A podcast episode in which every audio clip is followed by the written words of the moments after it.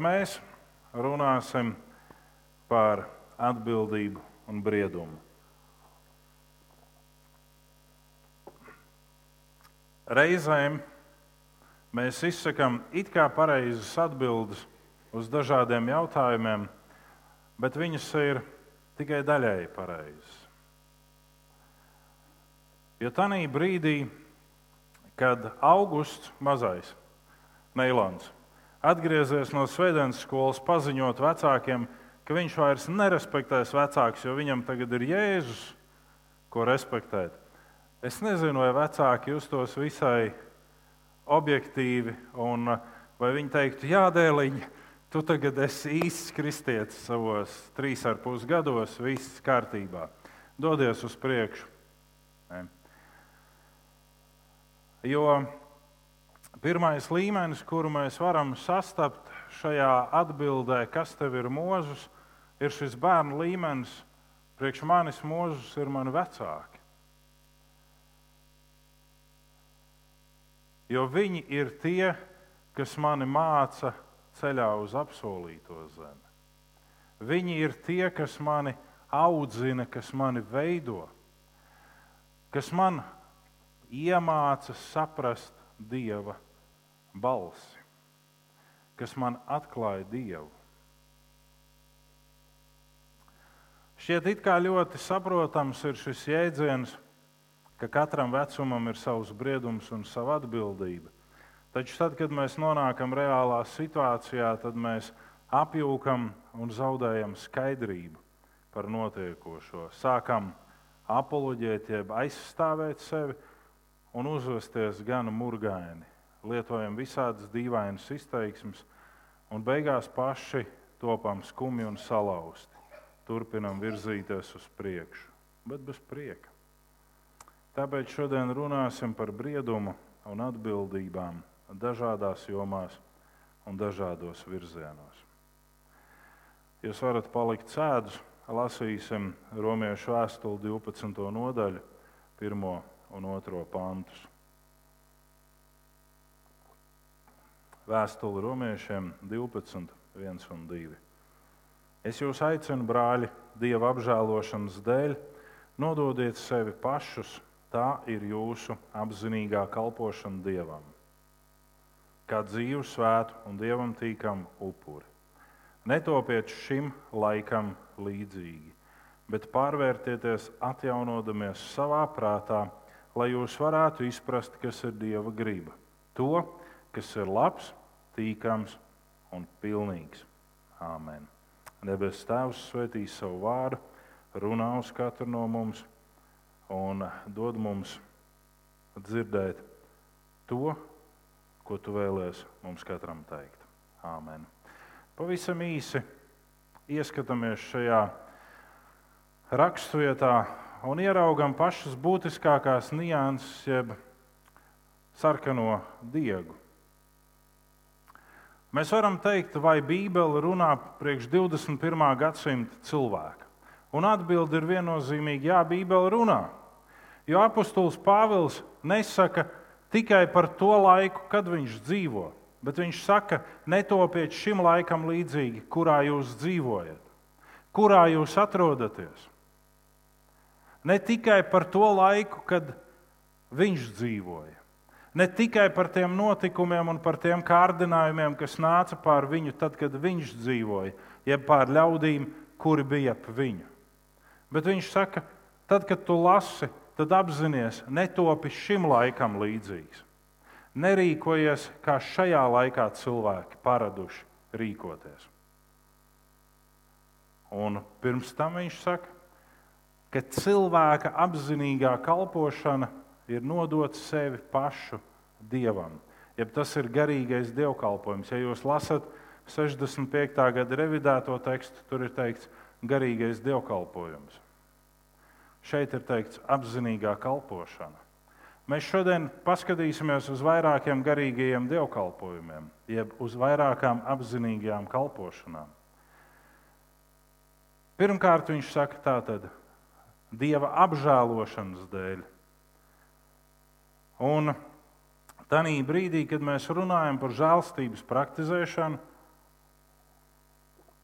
vai par otrās iespējas došanu, mēs reizēm nesaprotam, ko mēs runājam. Jo mēs gribam, ka, lai arī ko mēs darītu, ka visi apkārtējie mūs saprot un pieņem un atbalsta. Un man jautājums ir, kā rīkojās pazudušā dēla tēvs? Vai viņš sūtīja dēlam naudu tur svešatnē? Jeb tā brīdī, kad viņš bija sadalījis mantu, dēls aizgāja un viss. Vai tēva mīlestība nebija ar dēlu? Kurā brīdī sākās otrā iespēja? Tad, kad dēls nāk mājās.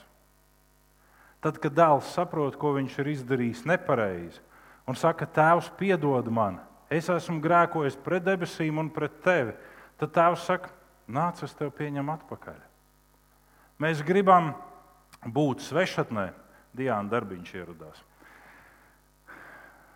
Mēs gribam būt svešatnē, mēs gribam būt tur, kur ir teikts, ar netiklēm izšķiest naudu, pavirši dzīvojot. Un mēs gribam, lai Tēvs sūta visu laiku mums naudu. Mēs gribam, lai Tēvs neko nesaka. Mēs gribam, lai Tēvs dod mums otro iespēju tur, kad mēs esam, un tur, kad mums pietrūkst. Nē, Tēvs dod otro iespēju tad, kad mēs pie atziņas nākuši, nākam atpakaļ. Tā ir Dieva apžēlošana. Līdzīgas apžēlošanas mēs varam redzēt cauri visai Bībelē. Protams, ja mēs negribam to dzirdēt, tad mēs nedzirdam, un tad mēs ietiepīgi paliekam pie tā, ka otrā iespēja ir tā, kā mēs uzstādām otrās iespējas noteikumus. Netopiet šim laikam līdzīgi. Tas skar mūsu domāšanas veidu. Tas skar mūsu attieksmi pret notikumiem. Tanī laikā, kas ir 18. un 19. gadsimts, kad notiek šī spēcīgā urbanizācija un uh, rūpnīcu veidošana un cilvēku sapludināšana no laukiem uz pilsētu, rodas zināmas interesantas ievirzes. Un šīs ievirzes ir pirms cilvēki nostabilizējās pilsētas dzīvē, ir nepieciešams veidot strādnieku dzīvojamos rajonus. Un jūs zināt, ka strādnieku dzīvojamie rajoni visbiežāk ir bez vērtībām. Tur ir mazi vienistabas dzīvoklīši ar mazu virtuvīti, kuros dzīvo vairāk personas nekā tur varētu normāli ietilpt. Ļoti bieži šīm personām nav pat skati, Ļoti bieži šīm personām ir tikai kaut kāda salmu snātenīša, uz kā gulēt, un nav nekā cita. Un kas notiek ar šiem ļaudīm, kas ir no laukiem pārcelt uz pilsētu?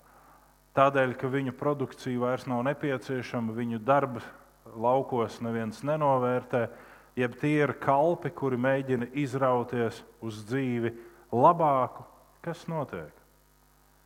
Viņi sāk pastiprināti apmeklēt bārus un dažādas citas dzertuves. Un šajā visā kontekstā ienāk Viljams Būts un pestīšanas armija. Cilvēkiem, kas ir nodzērušies, kas ir badā, kas staigā noskranduši. Viņi saka, ja jūs gribat mainīties, mēs jums gribam dot otro iespēju. Un Viljama būta laikā, netopiet šim laikam līdzīgi, ir neplēgurojiet kā visi citi, Nenodzeriet savus mazos ienākumus kā pārējie.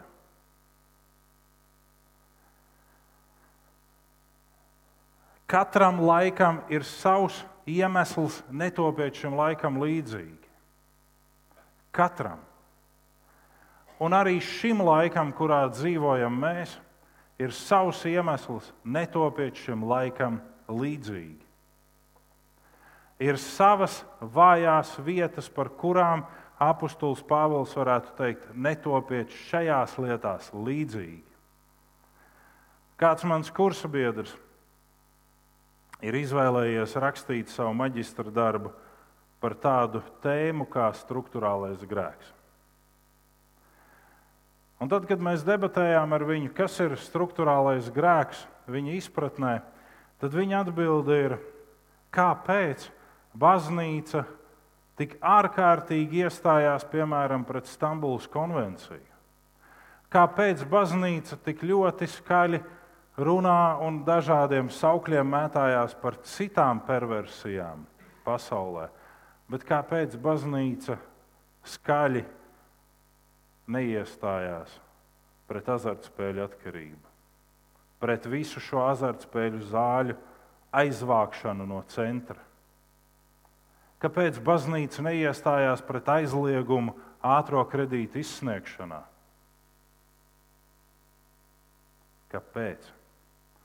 Kāpēc vienu lietu mēs tā kā pamanām, bet citu lietu, no kuras iespējams kādām baznīcas daļām nāk kāds labums, to mēs nemanām? Bija kāds cilvēks, kurš atradis manu tālruņa numuru caur, caur, caur personām, zvanīja un lasīja garu lekciju par to, kāpēc kāds mūsu draugs cilvēks atļaujās viņu evanģelizēt. Viņš taču ir kristietis. Es teicu, tad jau ir labi. Tad jau tur nav ko evanģelizēt. Bet vai gluži es varu atbildēt par katru vārdu, ko šis brālis saka, vai nē, bet nu, mēs tur garu un daudz runājam. Un man šoks, jā, starp citu, šis cilvēks, kurš man zvanīja, ir kristietis, viņš ir ticīgs, viņš apmeklē draugu. Man šoks bija tad, kad es iegāju reiz banknote LV, jo banknote sadarbojās ar Western Union. Līdz ar to, ka bija nometnē atsūtīta nauda, man viņu vajadzēja izņemt no Savienotajām valstīm. Un es ieraudzīju šo cilvēku, sēžam tur aiz letes un izsniedzam kredītus.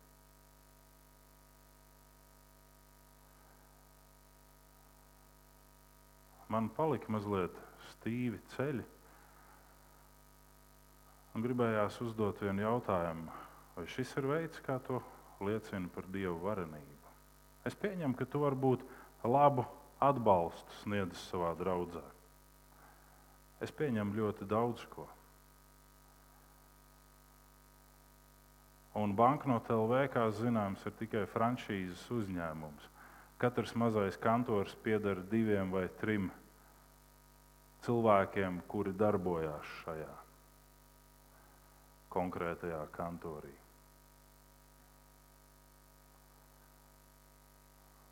Netopiet šim laikam līdzīgi.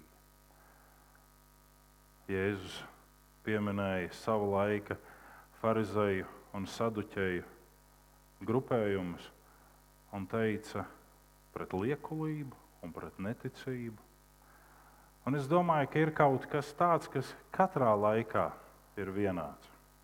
Un ir kaut kas tāds, kas katrā laikā ir mazliet specifisks un atšķirīgs. Bet Pāvils saka, netopiet tam laikam līdzīgi, kurā jūs dzīvojat.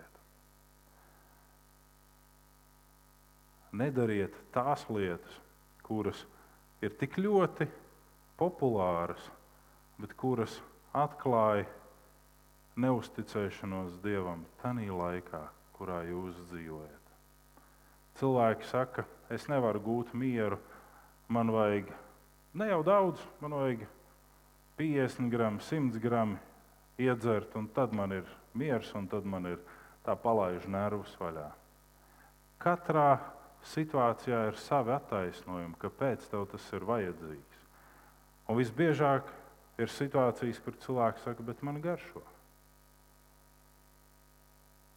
Vienam garšo naktī virināt leduskapu un redzēt, kur gaisma ir paslēpusies, kad māja ir tumša.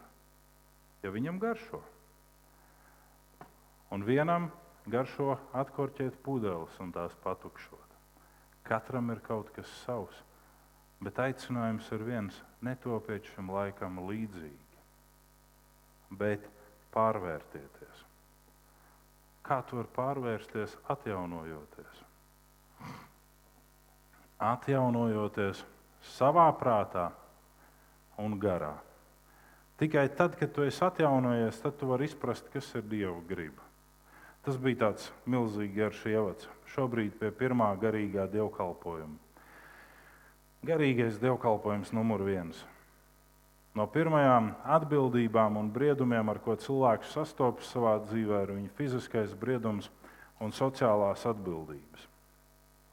Lai veidotos pilnvērtīgs fiziskais un sociālais briedums, tiek doti dažādi instrumenti mums šodien.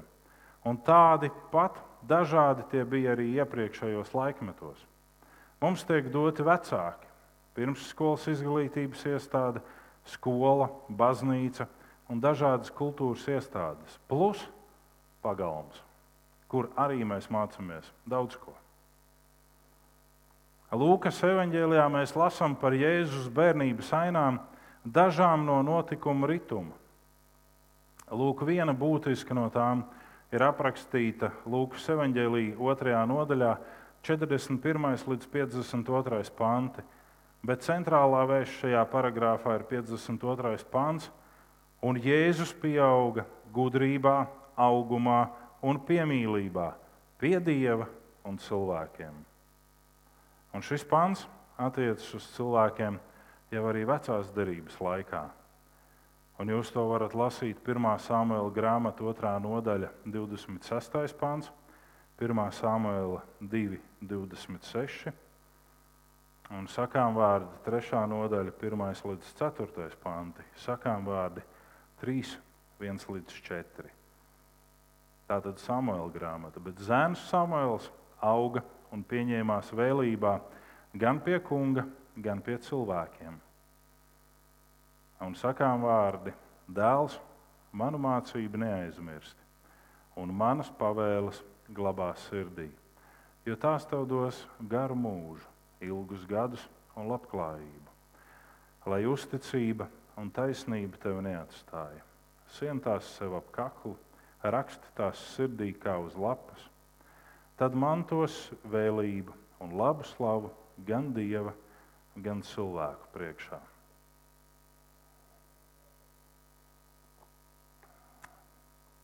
Vecāki un bērni.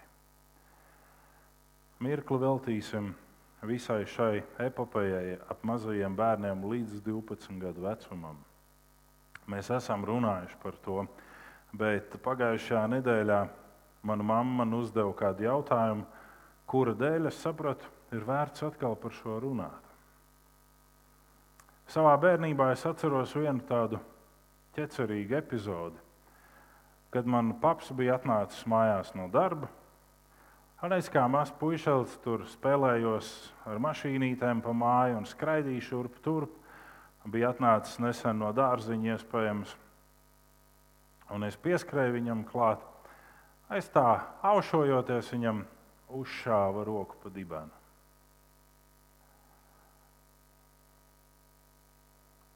Vai tur kas īpašs? Nē, īpaši sākās pēc tam. Jo visu vakaru garumā es nesapratu, kāpēc paps ar mani nerunā. Kas ir noticis? Pirmā brīdī man likās, ka viņa ir skārusi kādu retu bērnu slimību, ka viņš nevar parunāt. Vēlāk es sapratu, viņš ar visiem pārējiem runā, izņemot ar mani nerunā. Un tad es mēģināju caur mūsu ģimenes advokātu rast skaidrību. Un jautāju, kas pa lietu? Un tā bērnišķīgā valodā man tika paskaidrots tas, ka es esmu pārkāpis sarkano līniju. Mēs esam reizēm vēlāk daudzījušies ar tēvu. Viņš ir mani pakutinājis, jo bērnībā man diezgan kutēja. Mēs esam spēlējušies, bet vairs sarkanās līnijas mēs neesam pārkāpuši. Precīzāk sakot, es no savas puses. Katrai autoritātei un katrai dievu ieceltai kārtībai ir kādas sarkanās līnijas, kuras nevis nosaka persona vai autoritāte, bet kuras nosaka vispārējie pieņēmumi un likumi. Savām meitām es neesmu zināmā vecumā vairs fiziski pieskāries. Es esmu mēģinājis ar vārdiem pateikt to, kas nav kārtībā.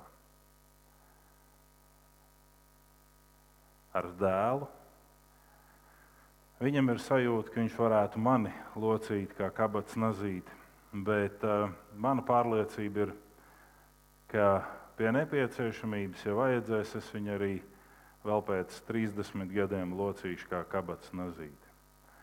Bet mēs nepārkāpjam šīs robežas. Mēs esam aušojuši, mēs esam sacentušies skrējienā. Es esmu palaidies pēdējā laikā. Es reti skrienu, un tad uh, tur jau nav jēga cīnīties. Mēs esam varbūt reizēm lauzušies, bet nepārkāpjot robežas. Kāpēc? Tāpēc, ka vecāki priekš savu bērnu ir mūzus. Neatkarīgi no tā, ko citi bērni dara, neatkarīgi no tā, ko kaimiņu bērni dara ar saviem vecākiem vai vecāki ar bērniem.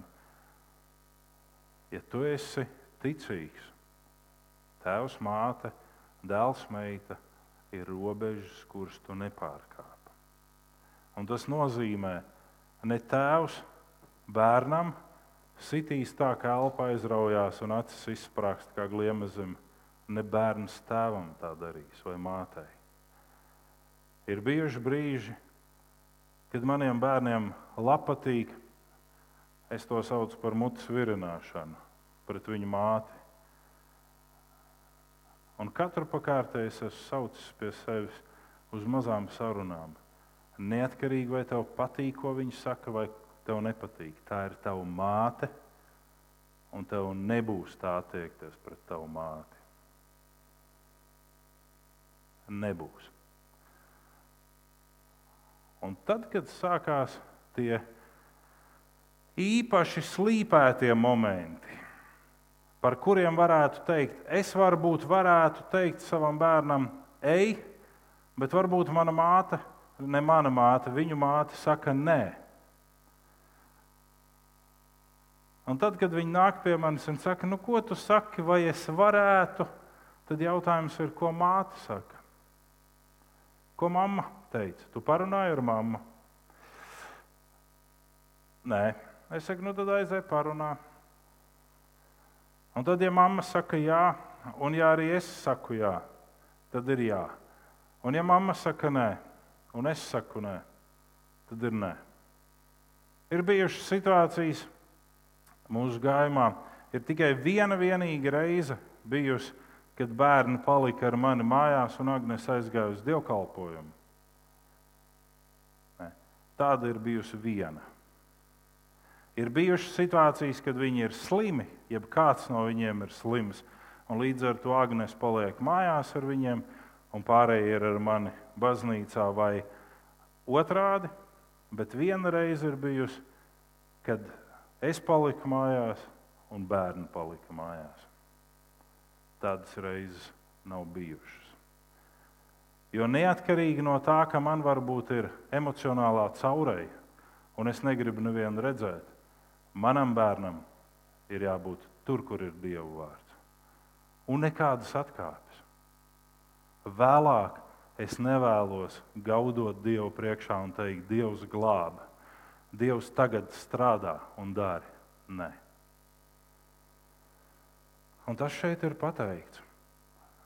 Tad, kad mēs lasām Salmāna pamācības, jeb sakām vārdus, mums ļoti bieži gribās domāt, ka tas ir Salmāns kādam no saviem entajiem dēliem.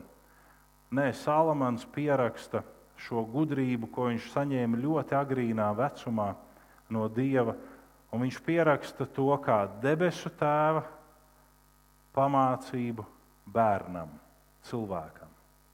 Neatkarīgi no situācijas, vai tur ir dēls vai tur ir meita. Neatkarīgi no situācijas, vai tā ir ģimene, kurā ir tikai māte, vai tā ir ģimene, kurā ir tikai tēvs, vai tā ir ģimene, kurā ir māte un tēvs. Ir šī pamācība. Manas mācības neaizmirst, manas pavēles glabās sirdī. Kāpēc?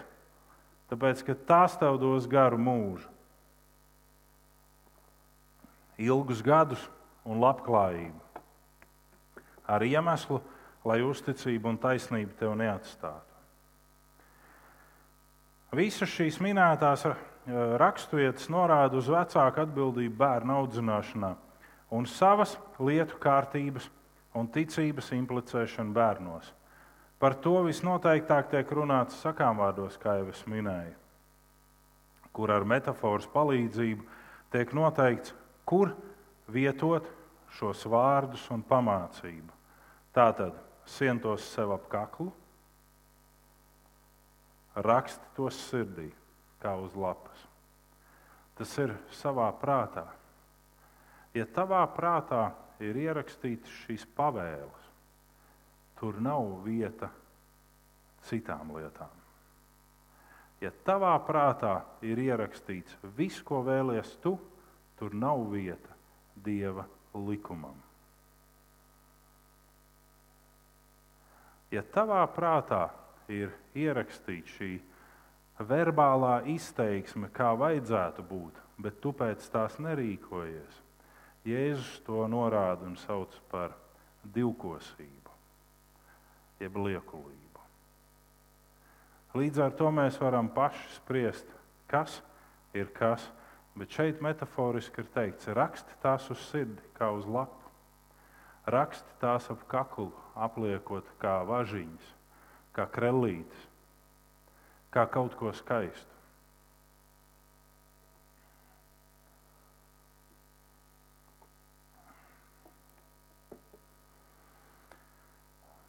Pamācības sevī neietver tikai to, drīkst, nedrīkst, lietas mierā, esmu lepns par tevi. Bērnu audzināšanā ietilpst viss no laika pavadīšanas līdz likšanas mierā un ļaušanas būt savā telpā. Mums sanāk iekrist grāvjos vai nu viens vai otrs, un tik reti mēs turamies veselīgā balansā ir brīdis, kur es izvēlos pavadīt kopā ar saviem bērniem. Un nevienmēr ir tā, ka mums sarunas plūst kā strautiņš. Ir tie stīvie brīži, ir tās stīvās situācijas, kurās tu nezini, kā labāk uzsākt šo sarunu. Un tad tu redz, ka viens no viņiem ir piepūstiem vaigiem, tā kā aziāts jau vajag iet uz acīm, tās paliek šauras. Otrs ir mazliet jau devies austrumu virzienā. Ne? Un tu jautā sev un situācijai, kā iesākt šo sarunu, bet sarunai ir jābūt. Ir jāpavada laiks. Un reizēm jūs varat ticēt vai nē, bet nav visai vienkārši izprast un izsekot līdzi visām tām lietām, par kurām viņi man stāsta. Mēs neesam tik tālā distancē viens no otra, un man pārliecība ir, ka arī dažādās tehnoloģiskās lietās es esmu pietiekami avansēts. Bet tad, kad viņi man sāk stāstīt, piemēram, vienā konkrētā gadījumā, es tur to un to uzliku lūpā. Vasīs das. Pēc tam es saprotu, un tur man apskaidroja manu neskaidro prātu Jānis, kurš ir noslēpies aiz staba. Saka, nu, tas ir tad, kad uzliek atkārtojumā to pašu. Vienu un to pašu atkārtojumu. Ah, ok, tad es zināšu, kas ir lūps. Labi. Un tādas ir tās nianses. Nevienmēr es varu izprast, ko viņa no manis vēlas saprast, vai kā viņa vēlas manu padomu. Bet tad ir tas brīdis, kad viņi iespējams guļ. Un iespējams, man pašam nāk miegs. Bet es mēģinu noskaidrot, kas ir tas, kas viņiem bija tik ļoti interesants, ko viņi vēlējās ar mani runāt. Kāpēc? Tāpēc, ka ir pamatots uzskats, gribi būt interesants, esi ieinteresēts. Un tas nozīmē, ka es nevaru pateikt, ka man interesē tikai tas, lai mani bērni darītu to, ko gribu es, vai tur sakoptu māju, vai tur mazgātu mašīnu, vai tur ravētu dobes, vai vēl kaut ko. Bet gribu būt interesants, es esmu ieinteresēts. Es esmu ieinteresēts viņa dzīvē. Es esmu ieinteresēts tajā, ko viņi dara. Pavadu laiku sarunā ar viņu.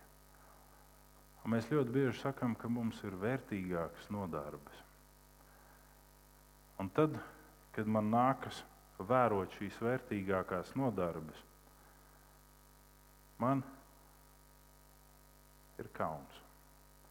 Ir bijuši brīži, kad es pats esmu aiz nosaukuma vērtīgāka nodarbe, tā teikt, atšūs savus bērnus. Un tad es esmu vērojis, kas ir šī vērtīgākā nodarbe nu, patiesībā tur nav nedz atpūtas, nedz kādas objektīvas informācijas uzņemšanas. Nu, tur ir kaut kas, ko grūti nosaukt par vērtīgu.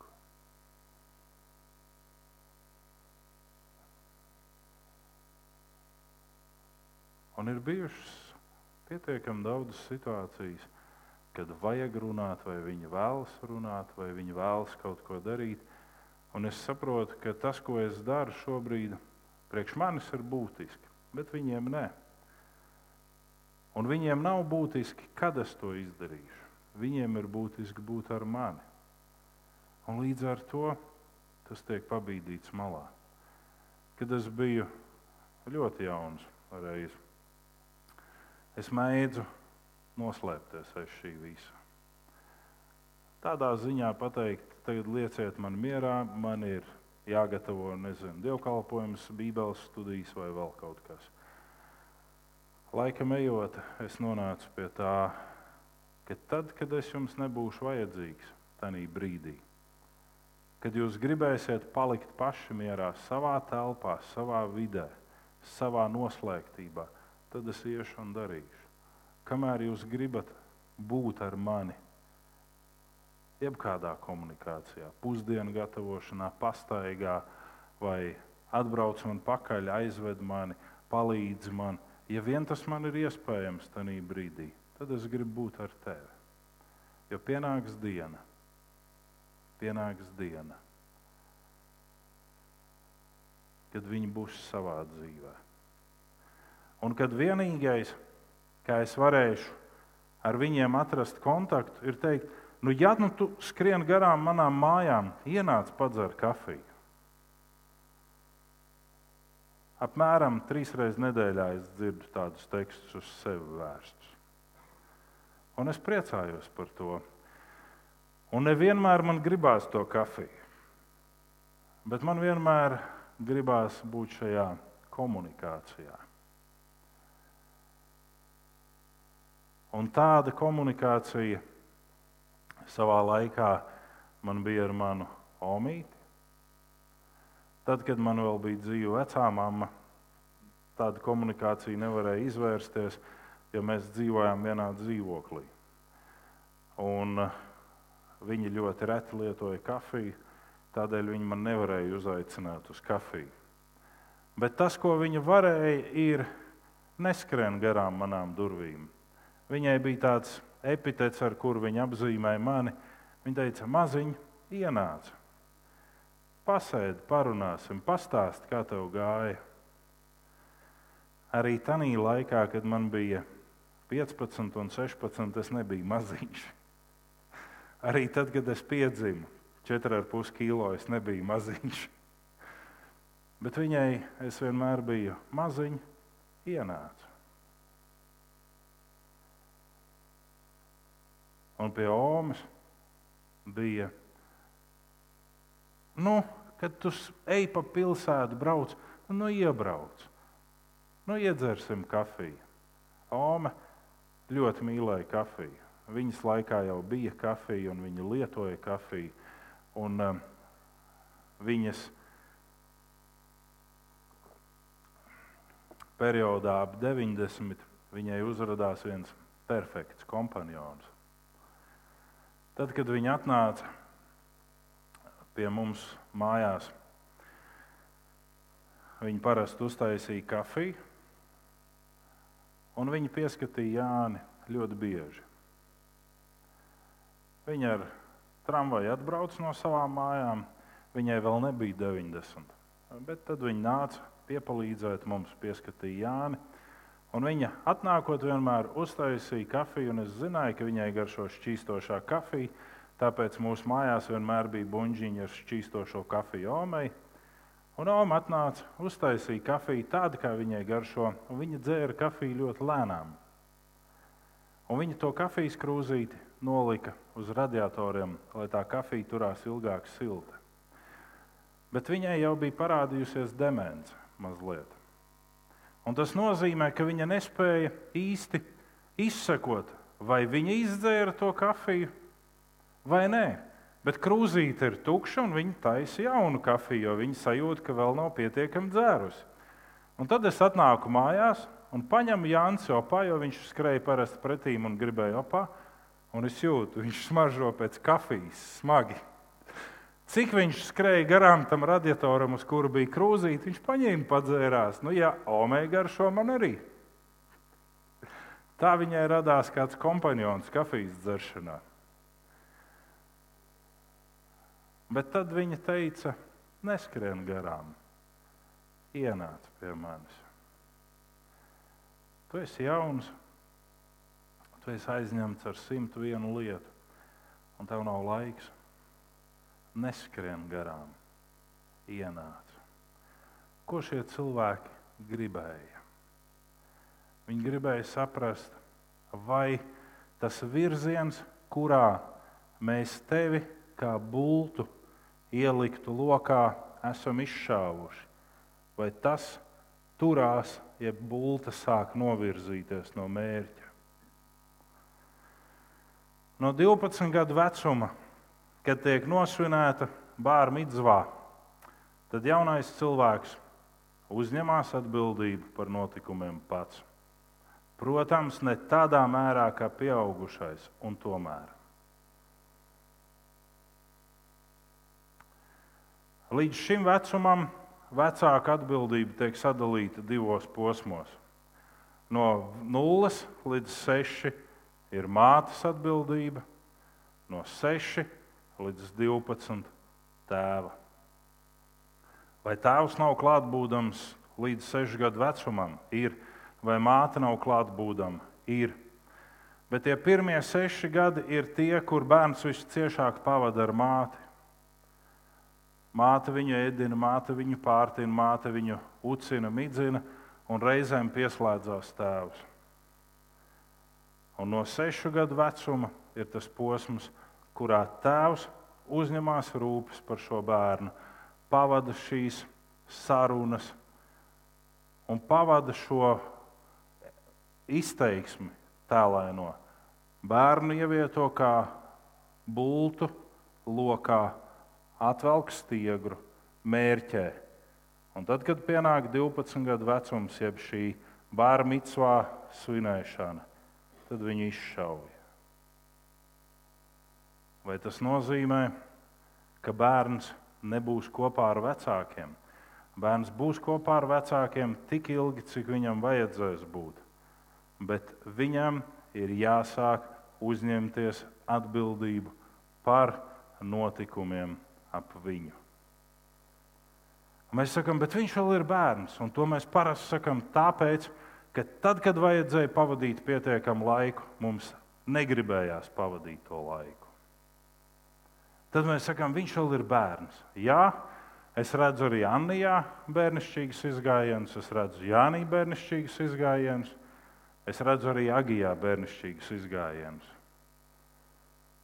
Ir šī bērnišķība liekšā, nav problēma, bet ir atbildība par lēmumiem. Lai kā mums tas nepatīk, ir atbildība par lēmumiem. Vai man patīk vienmēr manu bērnu izvēles, un vai es esmu iepriecināts par viņu lēmumiem? Nē, taču viņiem ir jāiemācās cēloņa sakarība, attīstība pašiem. Šis attiecas uz diviem lielajiem baznīcas aspektiem, sakramentiem. Sauciet, kā gribat, uz svēto vakarēdienu un uz kristībām līdz 12 gadu vecumam, ja bērns top kristīts, tad pirmie krustvecāki ir viņa vecāki, kuri ik pa brīdim paskaidro, kas ar tevi ir noticis. Nevis tādā izteiksmē, kā tu tā varēji darīt, tu taču esi tagad kristīts, bet kuri skaidro to, tā ir tava derība ar Dievu. Jā, manā aizvējā tā tika veikta bet tā ir tava derība ar Dievu. No 12 gadu vecuma tev pašam ir jāsāk atbildēt par to, ko tu dari, kā tu dari, vai tu šo derību pārkāpi vai nē. Par svēto vakarēdienu ir tieši tas pats. Un tas bija tas kritiskais jautājums, kas man tika uzdots. Bet kā ir ar bērniem, kas nāk pie vakarēdienas draudzē? Un taču korintiešu vēstulē rakstīts, ka sēž un dzer, tas sēž un dzer sev pašam par sodu. Tieši tā, līdz 12 gadu vecumam vecāki uzņemās atbildību par bērnu. Vecāki ir bērna Mozus un Ārons un Mirjam. Vecāki. Vecāki ir tie, kas seko līdzi tam, lai bērns nesāktu ieslīgt kaut kādu pārspīlējumu stāstīšanā kaut kādu blēņu stāstu kultivēšanā. Viņi seko līdzi bērnam. Bet pēc 12 gadu vecuma viņi šo atbildību nodod tālāk bērnam. 12 gadu vecumā Jēzus ir templī. Un templī notiek šī Jēzus saruna ar priesteriem, farizējiem un citiem. Un vecāki viņu meklē. Un vecāki ir neizpratnē par notikušo. Bet visi pārējie, kas runā ar šo zēnu Jēzu, ir pārsteigti par Jēzus zināšanām. Garīgais dievkalpojums numur divi. Cilvēks pēc savas izvēles vēlas kļūt par pilntiesīgu daļu no Kristus miesas draudzes. Līdz ar šo sākas viņa līdzatbildība. Salīdzināsim to ar darba vidi.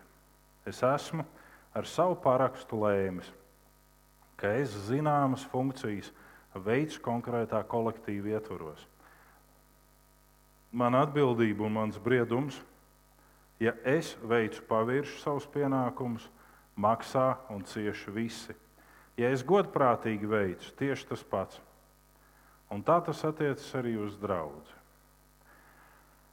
Bija kāda darba vide, eh, kuģa remonta rūpnīca, un tur tika pieņemts viens cilvēks darbā. Un viņam tika parādīts kuģis, kas viņam ir jāatbrīvo no rūsas, tātad jānotīra, jānogruntē šis kuģis un jānokrāso. Un priekšniecība slēdzot šo darba līgumu un uzdodot šos darba uzdevumus, teica, ka apmēram normāli strādājot šis kuģa remonts aizņem šāds kosmētisks remonts. Apmēram vienu kalendāro mēnesi, četras nedēļas. Pēc divām nedēļām darbinieks ieradās kantorī un paziņoja, ka viņš darbu ir paveicis. Par ko darba devēja bija ļoti izbrīnīti un teica, ka viņi labprāt apskatītu, kā šis darbs ir izdarīts, jo neviens līdz šim nav veicis tādā tempā šo darbu. Un viņi aizgāja skatīties šo kuģi, un patiešām tas kuģis no tās puses, pie kuras viņi tuvojās, izskatījās fantastiski. Saule vēl spīdēja, viņš laistījās tā krāsa, kā svaigi uzkrāsot spīdīgi. Un tad kāds no viņiem izdomāja paiet kuģim no otras puses, un kāda norūsējusi, nolupusi bija Tāda bija tā puse. Viņa teica, tu mums esi krāpis. Tu esi nokrāsojis kuģim tikai vienu pusi. Viņš teica, nē, mīļie, es jūs neesmu krāpis, jo darba līgums ir no divām pusēm. Es savu pusi nokrāsoju.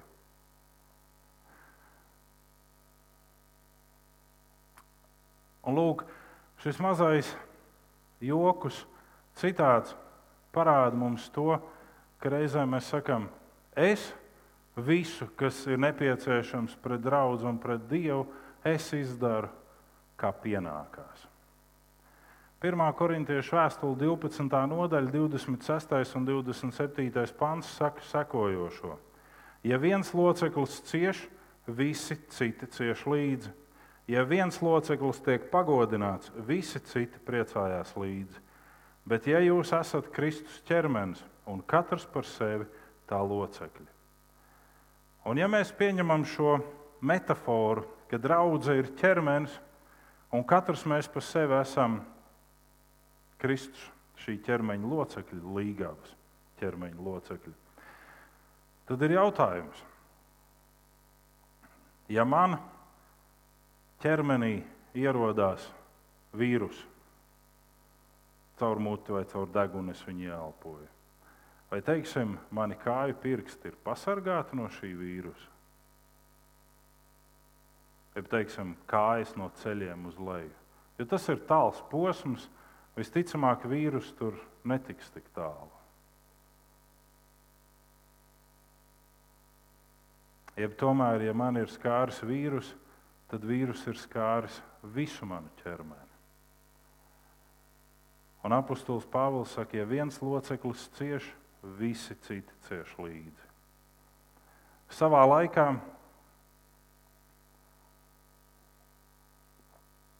es piedzīvoju vienreiz dzīvē ausu sāpes, kaut kādu iekaisumu.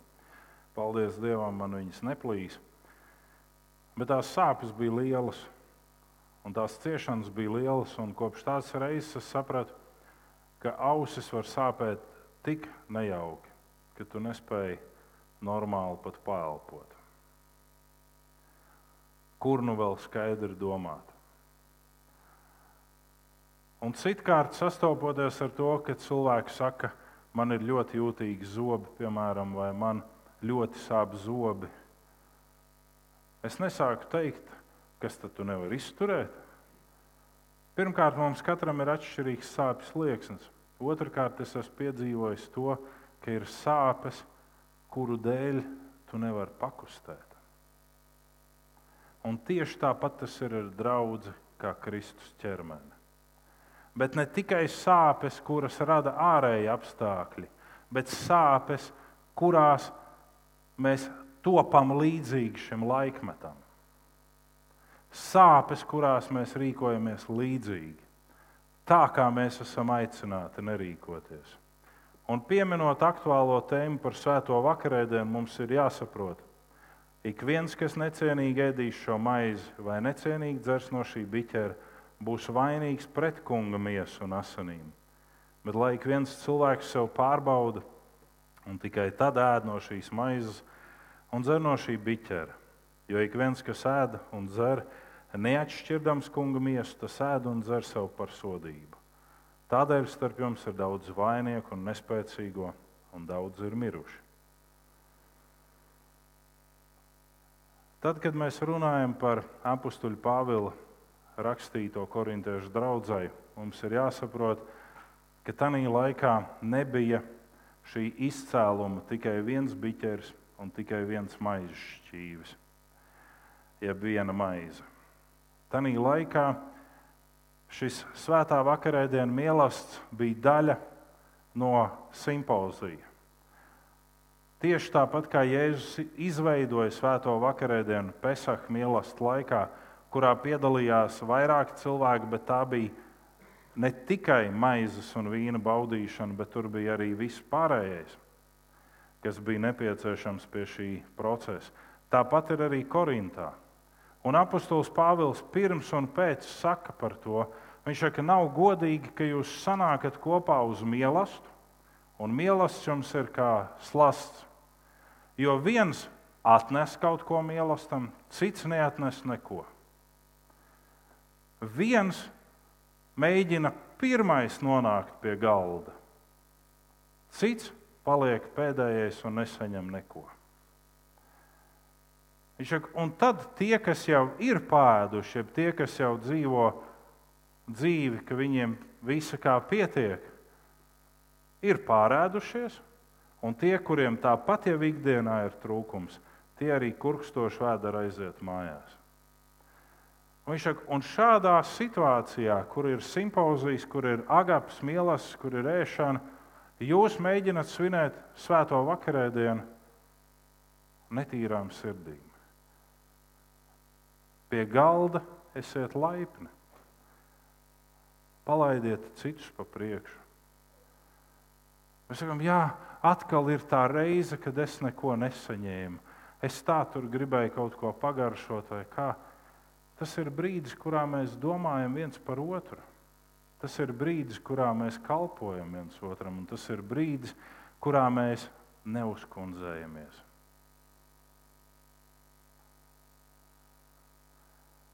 Viņš saka, ja jūs neizšķirat šo ēšanu kopā ar Kristus miesu no tā, ka jūs ēdat mājās atsevišķi brokastis, pusdienas vakariņas vai savā darba vietā ēdat, tad nav labi ar jums. Jo šis mīlestības ir atšķirīgs mīlestības. Tieši tāpat kā svētais vakarēdienas ir atšķirīgs. Un šeit ir runa par tiem ļaudīm, kas ir izauguši no vecāka aizbildnības. Līdz ar to tiek atbildēts uz jautājumu par bērnu līdz 12 gadu vecumam un par viņa vakarēdienu baudīšanu. Ja šis bērns dzīvo apzināti grēkā, ļaundarībā, tad ir jautājums par vecāku kompetentu atbildības audzināšanu. Tādi grēki var būt kā melošana, zakšana, krāpšana. Pēc 12 gadu vecuma sasniegšanas bērns pakāpeniski iziet no vecāka atbildības un sāk veidot savu atbildību pats. Līdz ar to pēc 12 gadu vecuma Tas var būt 15 gadu vecumā, tas var būt 18 gadu vecumā. Šis bērns, kurš ir pirms 12 gadu vecuma kristīts, viņš ar savu izvēli saka, es izvēlos piederēt šai draudzē. Vienalga, kur tā būtu. Es izvēlos. Es vēlos iet šajā draudzē, es vēlos uzņemties savu kalpošanu, savu atbildību, savu darbību konkrētajā draudzē līdz 12 gadu vecumam. Viņš ir vecāku aizbildnībā. Līdz ar to vecāki ir tie, kas iestājās par bērnu, aizstāv bērnu. Protams, arī pēc 12 gadu vecuma tas ir nešaubīgi. Ir teikts, ka Māte uzdāvina dēlam pēdējo uzvalku 60 gadu vecumā, tikai nezinu, kuram ir 60. Ne? Tu saki, dēlam, varbūt mātei. Tad manējais jau tika 15 gadu atpakaļ uzdāvināts. Viss nekādu cerību vairs. Ne, bet varbūt tad, kad man ir 60. Lai arī kā tas būtu, bērni paliek vecāku rūpala līdz pēdējiem elpas vilcienam. Un arī savus pēdējos mirkļus, atceroties savu omu, viņa mēģināja vienmēr dot kādu padomu manai mammai, kas ir viņas meita, lai arī es netieku līdzi savu bērnu izteikumiem par lūpiem un citām lietām. Un tāpat varētu teikt, mana oma netika līdzi manas mammas domu gājienam, jo atšķirība un nomainītā vide bija krietna. Bet Tomai bija vērtība pateikt kaut ko. Citreiz tas izraisīja smaida pilnu sarunu un domu apmaiņu, citreiz varbūt arī tas izmainīja kādu mazu atomkaru. Bet, lai arī kā būtu, māte ir māte saviem bērniem, tāpat kā tēvs. Bet katrs mēs esam tādā posmā, kurā mums ir jāuzņemas atbildība un jāparāda garīgs briedums. Vai ir viegli parādīt garīgu briedumu? Nē. Vai ir viegli uzņemties atbildību? Nē. Tad, kad mēs pieminam garīgo dievkalpojumu, tad šis ietver ne tikai šīs morālās, emocionālās saites, bet arī fiziski, sociālās. Tas sevi ietver gan cieņu, gan mīlestību, gan attieksmi, gan atbildību un briedumu. Un tas ir tas mirklis, kurā mēs ar pilnu atbildību sakam, es izvēlos būt daļa no konkrētas draudzes. Savā brīdī es biju daļa no konkrētas ģimenes. Tad pienāca brīdis, kurā es esmu daļa no konkrētas draudzes. Kā jau es pieminēju, kalpošanā, arī finansēs, un arī visā pārējā, kurā es parādu to, ka šis veidojums man ir būtisks. Mēs mazliet vairāk par to runājām pagājušajā svētdienā. Tāpēc šo svētdienu es negribu tam veltīt laiku. Es gribu šeit pieskarties tikai dažiem cilvēkiem. Un mēs viņus varētu ietvert vienā izteiksmē, kā svētmocekļi. Aizvadītajā nedēļā man bija kāda saruna, kurā es rādīju svētmocekļu ikonogrāfiju un stāstīju, kā katrs no viņiem ir aizgājis no šīs dzīves. Protams, es blakus nebiju. Protams, es nezinu, vai tā patiešām notika vai nenotika.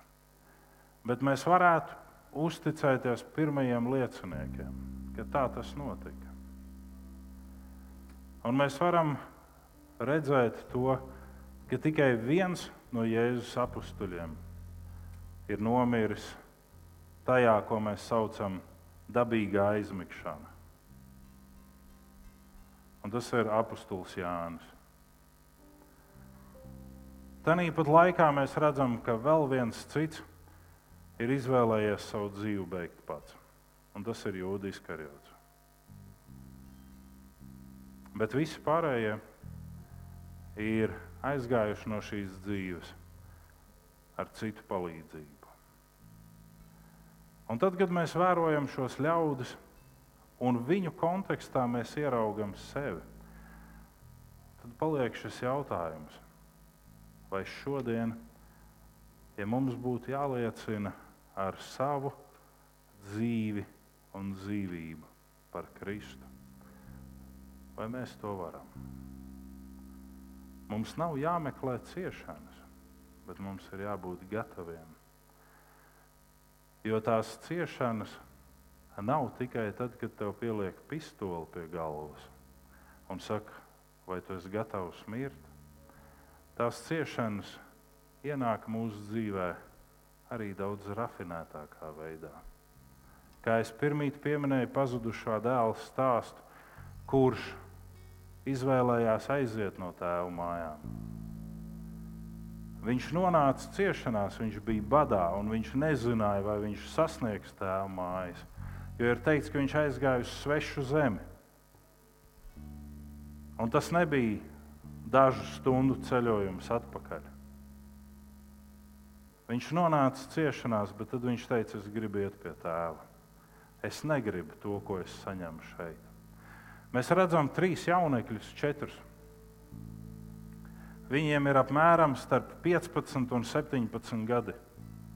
Četri puiši nonāk Bābelē. Pirmkārt, viņi vairs nekad savā dzīvē kopš šī brīža nebūs vīrieši. Viņi tiek atbrīvot no vīrišķības. Un 65. gada tulkojums saka, četri jaunekļi. Jaunais tulkojums saka to vārdu, kas tur ir oriģināli minēts - Einuhi. Un tas ir Dāniels un viņa trīs draugi. Un viņi nonāk Bābelē sarežģītā laikā, bet viņiem vecāki ir iemācījuši par Dievu tik, ka tajā brīdī, kad viņiem ir jāpliecina savu ticību Dievam, viņi pasaka, piedod, uzraug, mēs neēdīsim ēdienu no ķēniņa galda. Uzraugs saka, mana galva ripos. Un Dānijas ņemas drosmu un saka, pārbaudi mūs desmit dienas. Un, ja būs problēmas, mēs atteiksimies no saviem principiem. Bet, ja problēmas nebūs, tad tu pats lem. Paiet desmit dienas, un šie četri jaunekļi ir daudz veselīgāki nekā visi pārējie. Un šie četri pēc trīs gadu apmācības ir tie, kurus ķēniņš izvēlas savā kalpībā. Un Dānielam tiek dota vēl spēja pravietot, redzēt sapņus un skaidrot tos, un arī dažādas citas dzīves situācijas skaidrot. Un visi četri viņi vēlākā posmā iet cauri ciešanām. Visi četri ugunsceplim un laubedrai.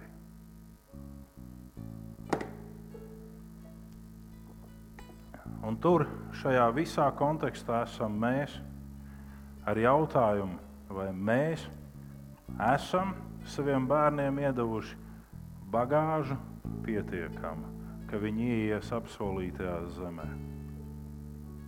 Vai mēs dodam to bagāžu? vai mēs esam tie, kuri tajā brīdī, kad mums ar savu nostāju un ticību ir jāliecina par mūsu glābēju un pestītāju, vai mēs to maz gribam. Ar vārdiem mēs gribam, bet ar dzīvi.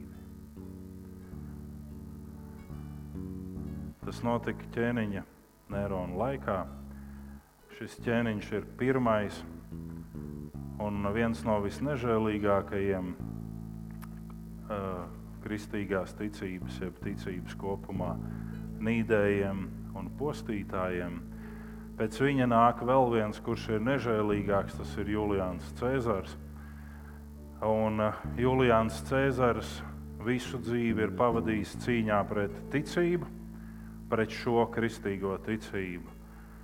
Un tad, kad viņš smagi ievainots, mirst kaujas laukā, viņam apkārt stāv viņa miesas sargi un tuvākie zaldāti, tad viņš mirst ar vārdiem Galilieti. Tu man esi uzvarējis. Bet Nērons aizsāka šo vajāšanu posmu. Un ķēniņa neirona laikā arī apustulis Pēters mirst. Mēs nezinām precīzi vietu, vai tā bija Roma, jo nekur nav pavadiens, ka Pēters būtu bijis Romā. Bet baznīcas tēvi un tie, kas bija tuvāk tam laikam, saka, ka tā bija Roma. Un saka, ka Pēters ir izvēlējies mirt pie krusta ar kājām gaisā, lai tādējādi arī ātrāk aiziet no šīs dzīves. Viņš neizvēlējās krusta nāvi, to viņam piesprieda. Viņš izvēlējās kājām gaisā. Bet šajā laikā, kad Roma tiek nodedzināta, kad ir kristiešu vajāšanas, Un kad visa šī nodedzināšana tiek uzlikta mācekļiem kā vaina, kad draudzene tiek postīta, Pēters kādā vakarā dodas prom no Romas.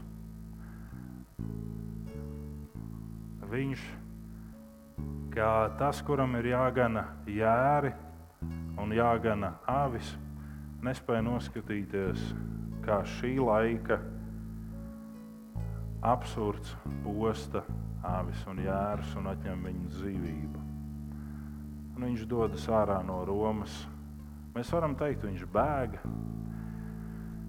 Lai arī kā tas būtu, viņš izējot no Romas, sastopa kādu ceļnieku, kas iet Romā iekšā. Un šis ceļnieks piesaista Pēteru uzmanību. Un viņu sarunas sākās par to, kurp tu ej, Pēter. Viņš stāsta šo visu. Es nevaru noskatīties, kā ticīgie un kā mācekļi tiek spīdzināti, tiek mesti arēnās, lavām priekšā, vēršiem priekšā, tiek dedzināti, krustos sisti. Čak, es eju prom. Es nespēju.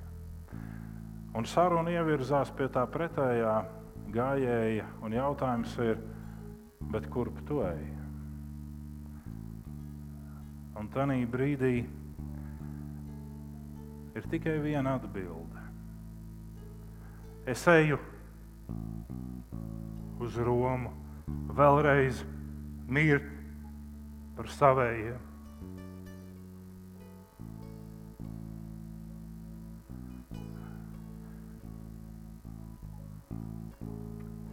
Un šīs pats stāsts turpinās, ka Pēters ir atstājis savu spieķi. Un līdzīgi tā kā Ārona zīzlis, arī šis spieķis tur zaļo un viņš ir atgriezies Romā. Jūs varat šo notikumu atrast zem nosaukuma, ko vadis. Kurp ej tu, kāda ir tava atbildība un kāds ir tavs briedums? Šajā 21. gadsimtā, šajā periodā, par kuru mēs teorētiski šausminamies par lietām, kas notiek. Kur un kā veidojās mūsu bērni, par ko viņi veidojās. Lai Dieva žēlastība ir pār katru no mums. Un mēs dziedāsim šobrīd to lūgšanu, kur jau mēs lūdzām šodien reizi, un varbūt citi pat vairāk reizes bet dziedāsim un lūgsim šo lūgšanu un iekļausim visu savu nedrošību, visas savas šaubas. Mēs nevaram izmainīt pagātni, bet tas, ko mēs varam, mēs varam lūgt atdošanu par pagātni. Un atdošana maina pagātni. Protams, ja tu esi kādam atņēmis kādu locekli, tad tas, ka tu pasaki, piedod man ļoti žēl, neataudzē atpakaļ ne roku, ne kāju. Bet piedošana maina tavu pagātni attiecībās ar Dievu. Un skats rītdienā ir, es gribu darīt savādāk, bet nevis rīt, bet jau šovakar. Nevis rīt es veikšu tās lielās izmaiņas, bet jau šovakar. Gan attiecībā pret saviem bērniem, gan attiecībā pret saviem brāļiem un māsām. Es gribu būt Dieva godības trauks šeit un tagad. Un, ja man ir jāiet uz Romu, es gribu iet. Lai Dievs svētī mūsu ikvienu.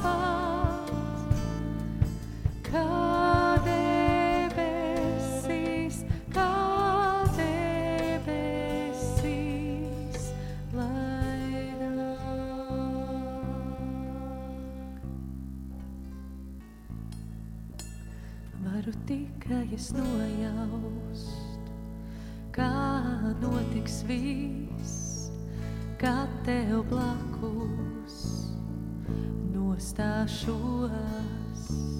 Varu tikai nojaust, kā tevi redzēšu un tevi sastapšu.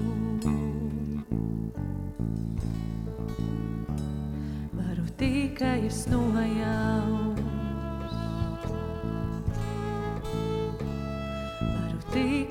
Nojaust.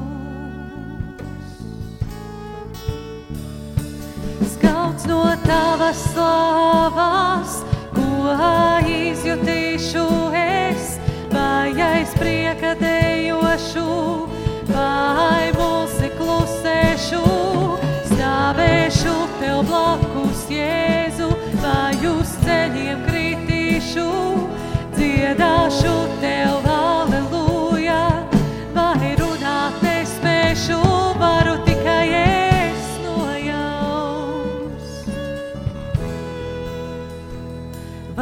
tikai es nojaust. Varu tikai es nojaust, kad diena nāks, kad būšu dievā saules skārts. Varu tikai es nojaust, kad viss, ko darīšu, mūžām tevi, tevi slavēšu. Varu tikai es nojaust. Varu tikai es nojaust.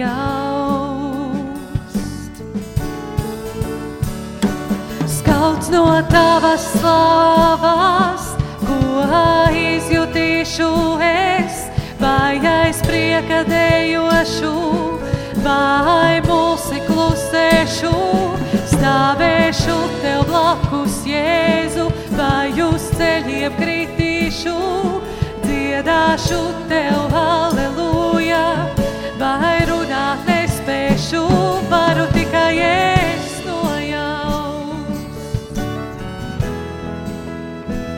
Varu tikai es nojaust. Skauts no tavas slavas,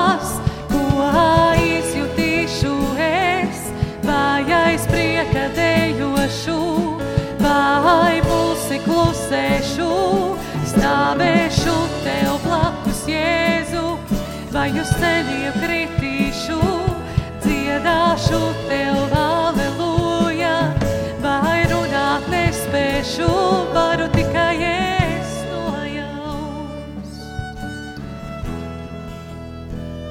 Varu tikai es nojaust. Varu tikai es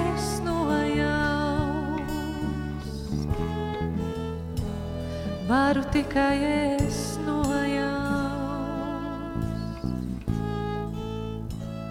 Varu tikai es nojaust. Varu tikai es nojaust.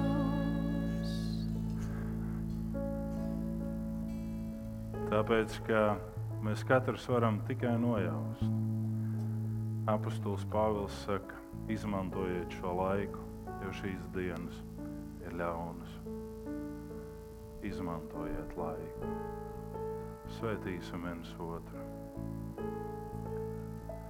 Lai kungs tevi svētī un pasargā, lai kungs apgaismo savu vaigu pār tevi, un lai ir tev žēlīgs, lai kungs uzlūko tevi ar lapatiku un lai dod tev savu mieru.